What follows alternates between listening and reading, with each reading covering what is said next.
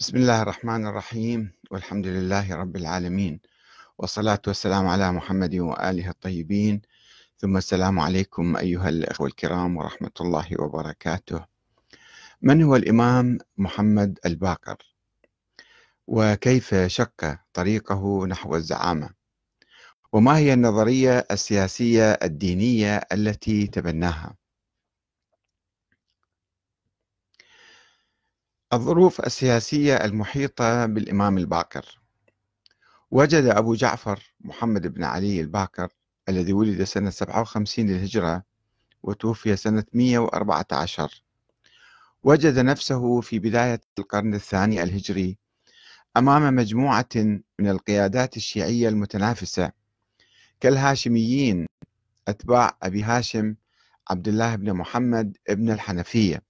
الذي توفي سنة 98 والعباسيين الراوندية الذين دعوا الوصية من أبي هاشم إلى محمد بن علي بن عبد الله بن عباس ثم ابنه إبراهيم الإمام أخي أخي السفاح والمنصور والجناحيين بقيادة عبد الله بن معاوية بن عبد الله بن جعفر الطيار.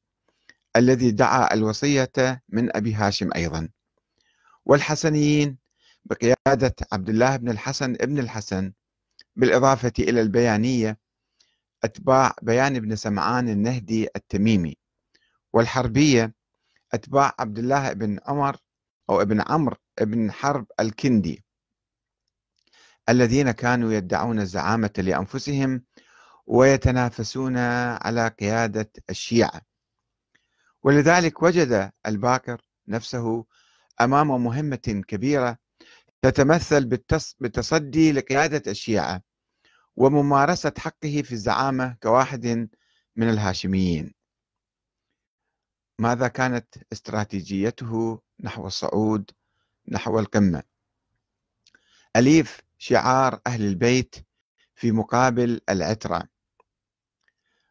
وبما أن العباسيين والطالبيين يعني آل جعفر وآل عقيل كانوا يستندون في بناء شرعيتهم السياسية إلى دعوى كونهم من العترة النبوية اعتمادا على تفسيرهم الخاص لآية قل لا أسألكم عليه أجرا إلا المودة في القربى التي كانت تشمل في ذلك الحين آه، آه، جميع العوائل الهاشمية المتنافسة. كلهم كانوا يقولون إحنا من أهل القربى.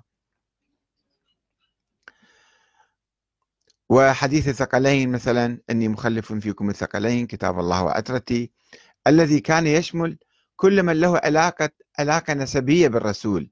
لأن العتره حسب اللغة هم أقرباء الرجل الذين يشتركون معه في العتر أي الذكر. وتطلق على الأبناء وأبناء العم.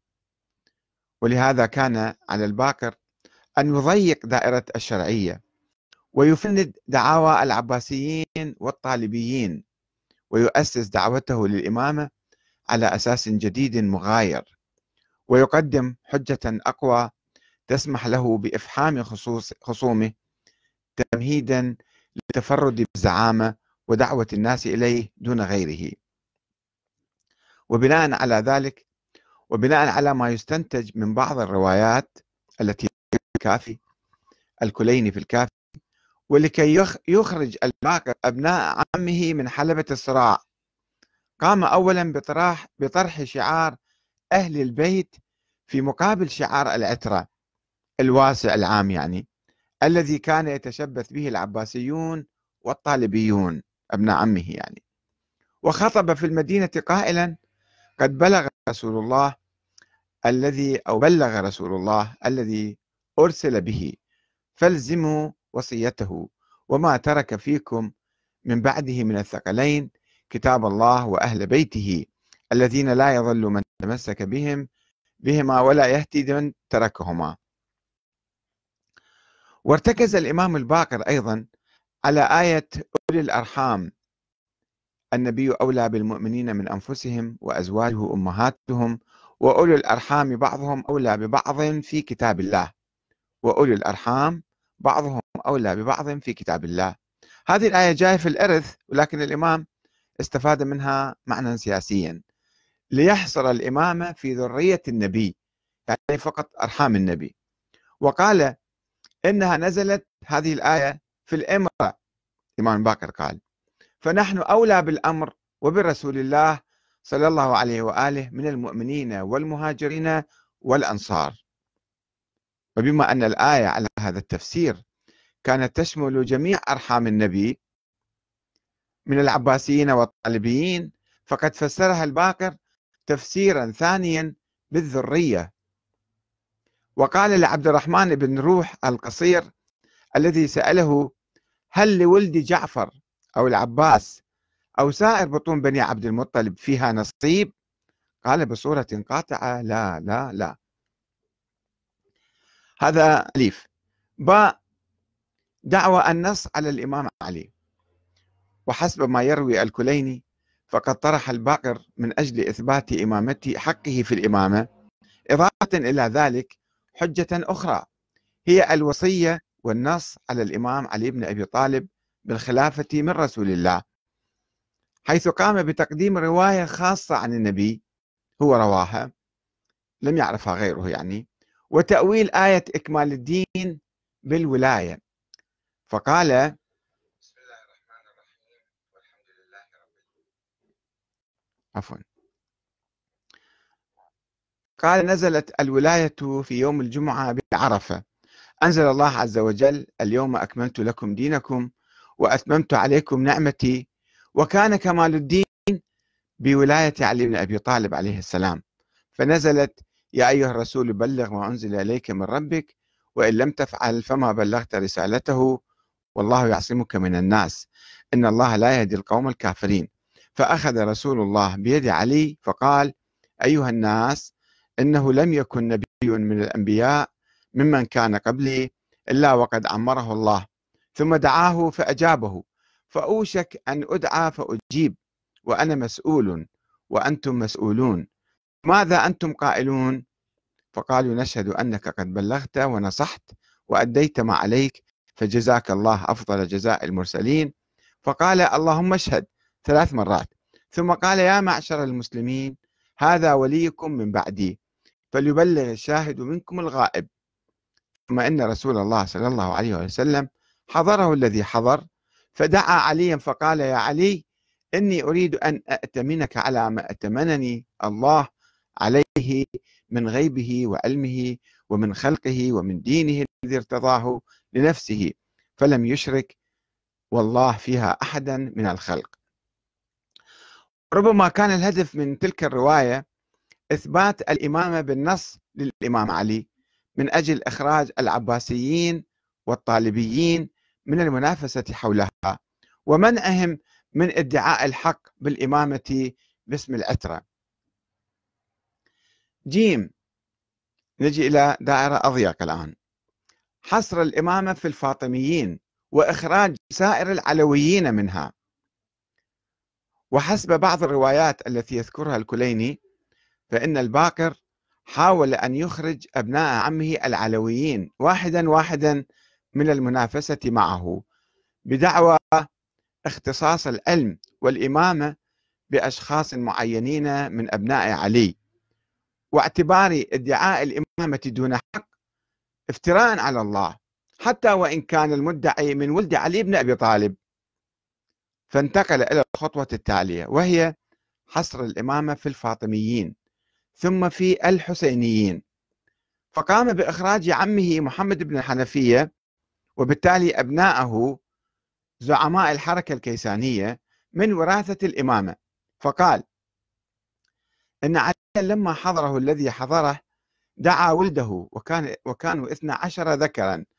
فقال لهم يا بني أو يا بنية إن هذين ابن رسول الله الحسن والحسين فاسمعوا لهما وأطيعوا ووازروهما فإني قد ائتمنتهما على ما ائتمنني عليه رسول الله مما ائتمنه الله عليه من خلقه ومن غيبه ومن دينه الذي ارتضاه لنفسه. فأوجب الله لهما من علي ما أوجب لعلي من رسول الله. ثم أن الحسن حضره الذي حضره فسلم ذلك إلى الحسين. ثم أن حسينا حضره الذي حضره فدعا ابنته الكبرى فاطمة بنت الحسين فدفع إليها كتابا ملفوفا ووصية ظاهرة وكان علي بن الحسين مبطونا لا يرون إلا أنه لما به. فدفعت فاطمة الكتاب إلى علي بن الحسين ثم صار والله ذلك الكتاب إلينا. ولكن الباقر كان يواجه مشكلة صعبة تتمثل في وصل حبل الإمامة الذي انقطع باعتزال أبيه علي زين العابدين عن السياسة. وتصدي عمه محمد بن الحنفية لقيادة الشيعة إضافة إلى عدم وجود نص واضح وصريح ومعروف من الإمام الحسين لابنه علي بالإمامة. فقد قتل الحسين في كربلاء دون أن يوصي إليه حسب ما يقول الباقر والصادق لأنه كان مبطونا لا يرون إلا أنه لما به يعني بعد شوي راح يموت. والروايات المنقولة تشير إلى أن الباقر حل هذه المشكلة بالقول أن الحسين أوصى إلى ابنته الكبرى فاطمة وسلمها كتابا ملفوفا ووصية ظاهرة وأن فاطمة دفعت الكتاب إلى علي بن الحسين ثم صار والله ذلك الكتاب إلينا كما قال. معجزة الحجر الأسود. وحسب ما يقول الكليني والصفار وابن بابويه فإن الإمام الباقر قام أيضا بتدعيم موقفه ضد الكيسانية الذين كانوا هم مسيطرين على الساحة في تلك الأيام برواية هذه القصة الإعجازية. فقال لما قتل الحسين أرسل محمد بن الحنفية إلى علي بن الحسين. وكان عمر الباقر يعني أربع خمس سنوات.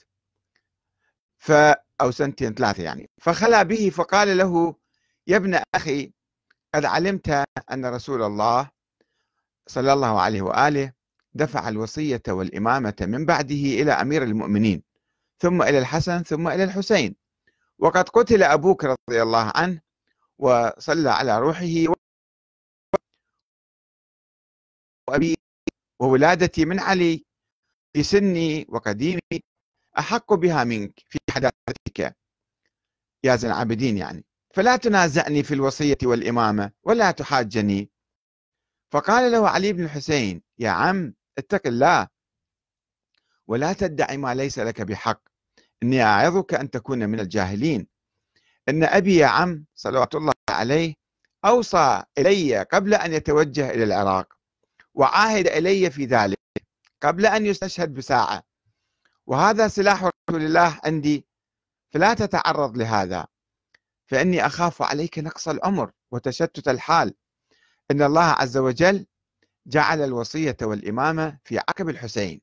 فإذا أردت أن تعلم ذلك فانطلق بنا إلى الحجر الأسود حتى نتحاكم إليه ونسأله عن ذلك. قال أبو جعفر الباقر وكان الكلام بينهما بمكة.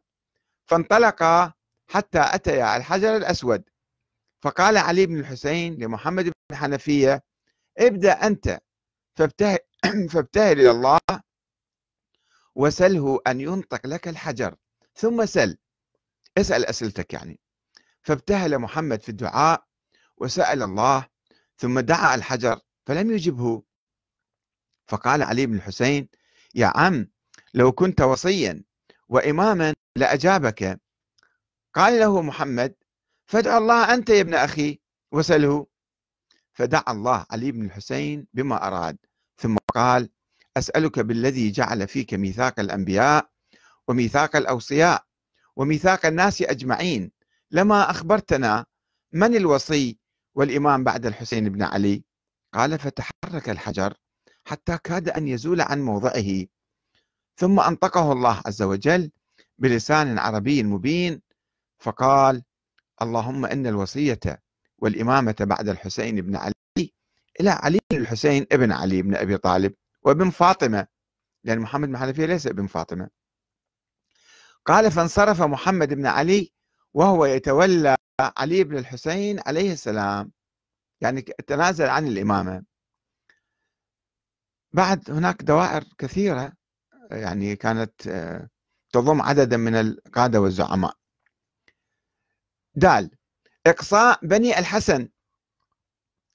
وحسب ما تقول بعض الروايات الأخرى فقد قام الإمام الباقر بعد إقصاء أبناء محمد بن الحنفية بخطوة أخرى هي إقصاء بني عمه الحسن الذين كانوا ينافسونه في قيادة الشيعة.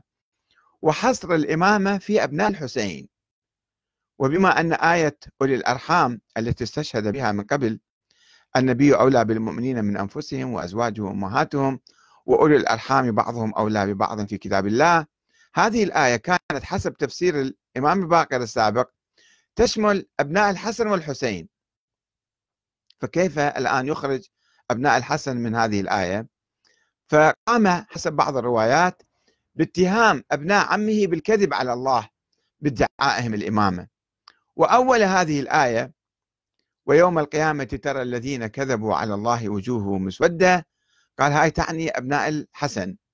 ثم فسرها بقوله من قال إني إمام وليس هو بإمام وإن كان علويا. وفي رواية أخرى وإن كان فاطميا علويا. وعندما سأله عبد الرحمن القصير هل لولد الحسن فيها أي في الأمرة نصيب؟ قال لا والله يا عبد الرحيم. ما لمحمدي فيها نصيب غيرنا. وإن هذه الآية جرت في ولد الحسين من بعده. وقد أثار حصر الباقر للإمامة في ولد الحسين ابن عمه عبد الله ابن الحسن ابن الحسن الذي رد عليه قائلا كيف صارت الإمامة في ولد الحسين دون الحسن؟ وهما سيدا شباب أهل الجنة. وهما في الفضل سواء. ألا أن للحسن على الحسين فضلا بالكبر أكبر من عنده وكان الواجب أن تكون الإمامة إذن في الأفضل. مما دفع الباقر للرد عليه فقال كذبوا والله. أولم يسمع الله تعالى يقول وجعلها كلمة باقية في عقبه. فهل جعلها إلا في عقب الحسين؟ إذن هم تشمل أبناء الحسن. فأخرج أبناء الحسن من الحق بالإمامة. وبعد أيضا دائرة كانت واسعة. فكيف يضيقها أكثر؟ ها إقصاء الباقر لأخوته العشرة. كان عنده عشر إخوان.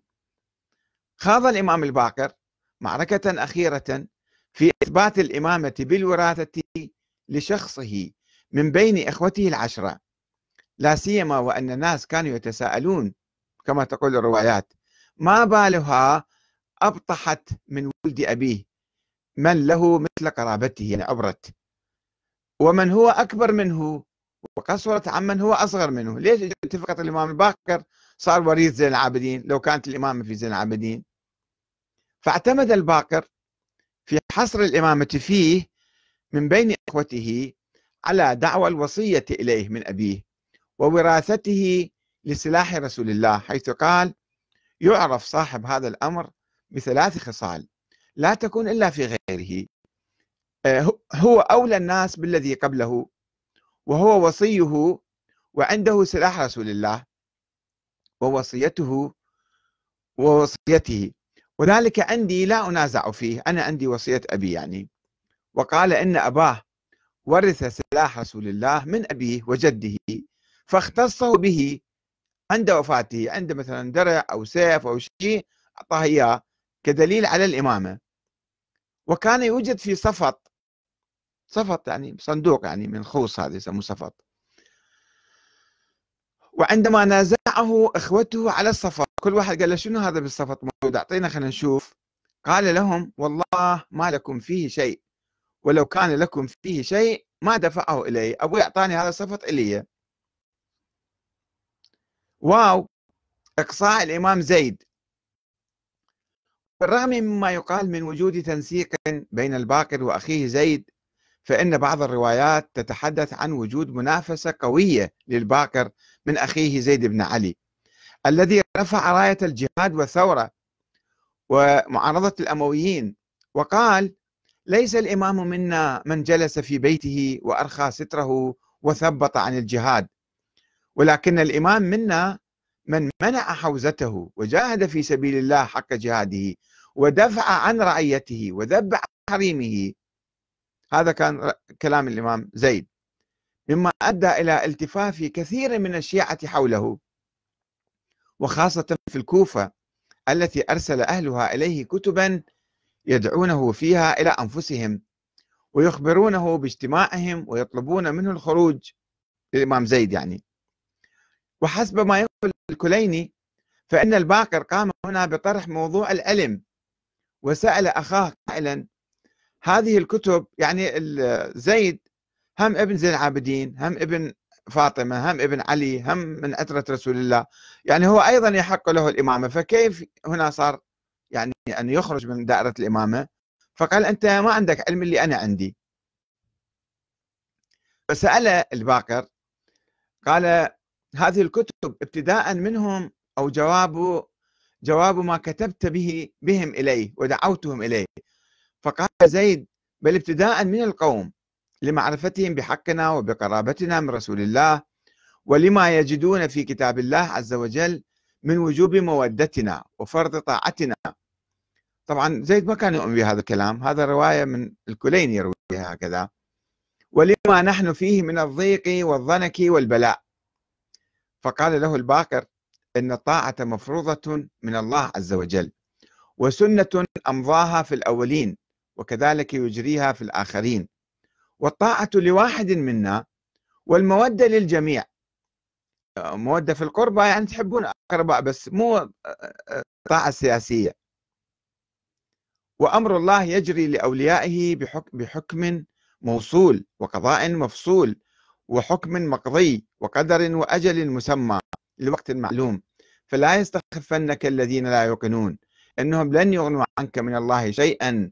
فلا تعجل فإن الله لا يعجل لعجلة العباد. ولا تسبقن الله فتعجز البلية فتصرعك يعني الرواية ربما تكون موضوعة على لسان آه، زيد والباقر يعني من الإمامية. وسواء كانت العلامات والمحاولات والأحاديث والقصص التي نسبت إلى الإمام محمد بن علي الباكر صحيحة هاي كل الروايات اللي يرويها الكافي. أم مزورة وموضوعة من قبل الغلاة فإنها لعبت أو لعب بعضها على الأقل دورا في تأسيس إمامة الباكر السياسية الدينية للشيعة في بداية القرن الثاني الهجري. مما دفع جماهير الحركة الكيسانية اللي كانت هي تيار ريض واسع في تلك الأيام فيما يبدو إلى الانضواء تحت لواء الإمام الباقر بعد وفاة عبد الله أبو هاشم ابن محمد بن حنفية. وإعلان الولاء له. وهذا ما أدى إلى انتقال تلك الجماهير مع الكثير من أفكار ونظريات الكيسانية المغالية إلى شيعة الباقر. لما انتقلوا هم صار قائد جديد لهم فحملوا أفكارهم السابقة وإجوا في صفوف شيعة الباكر وقيامها بإسقاط نظرياتها على الإمام. مثل الألوهية بعضهم قال الإمام هو إله بعضهم قال هو نبي. آه، مثل الألوهية والنبوة. فضلا عن الإمامة الإلهية القائمة على النص والوصية والوراثة في السلالة العلوية الحسينية. وتأليف أحاديث ونسبتها إلى الإمام الباقر وابنه جعفر الصادق فيما بعد. المهم هذه الدوائر كانت متعددة ومن كان يريد أن يصبح إماما كان عليه أن يسقط تلك الدوائر دائرة العترة عترة النبي. مو كل عترة النبي يحق لهم الحكم ولا أبناء علي كلهم يحق لهم الحكم ولا أبناء فاطمة كلهم يحق لهم الحكم ولا حتى أبناء زين العابدين كلهم يحق لهم الحكم إلا تنحصر في شخص محمد الباقر ابن زين العابدين ابن آه، آه، علي بن الحسين يعني. طبعا هذا شيء مختصر جدا. أنا بحث بشكل موسع وأحاديث كثيرة في كل موضوع هذا آه، في كتابي التشيع السياسي والتشيع ديني. ولكن اقتبست نبذة مختصرة جدا لكي ألقي بعض الضوء على المعركة الكبرى التي كانت تجري على قيادة الشيعة في بداية القرن الثاني الهجري. والسلام عليكم ورحمة الله وبركاته.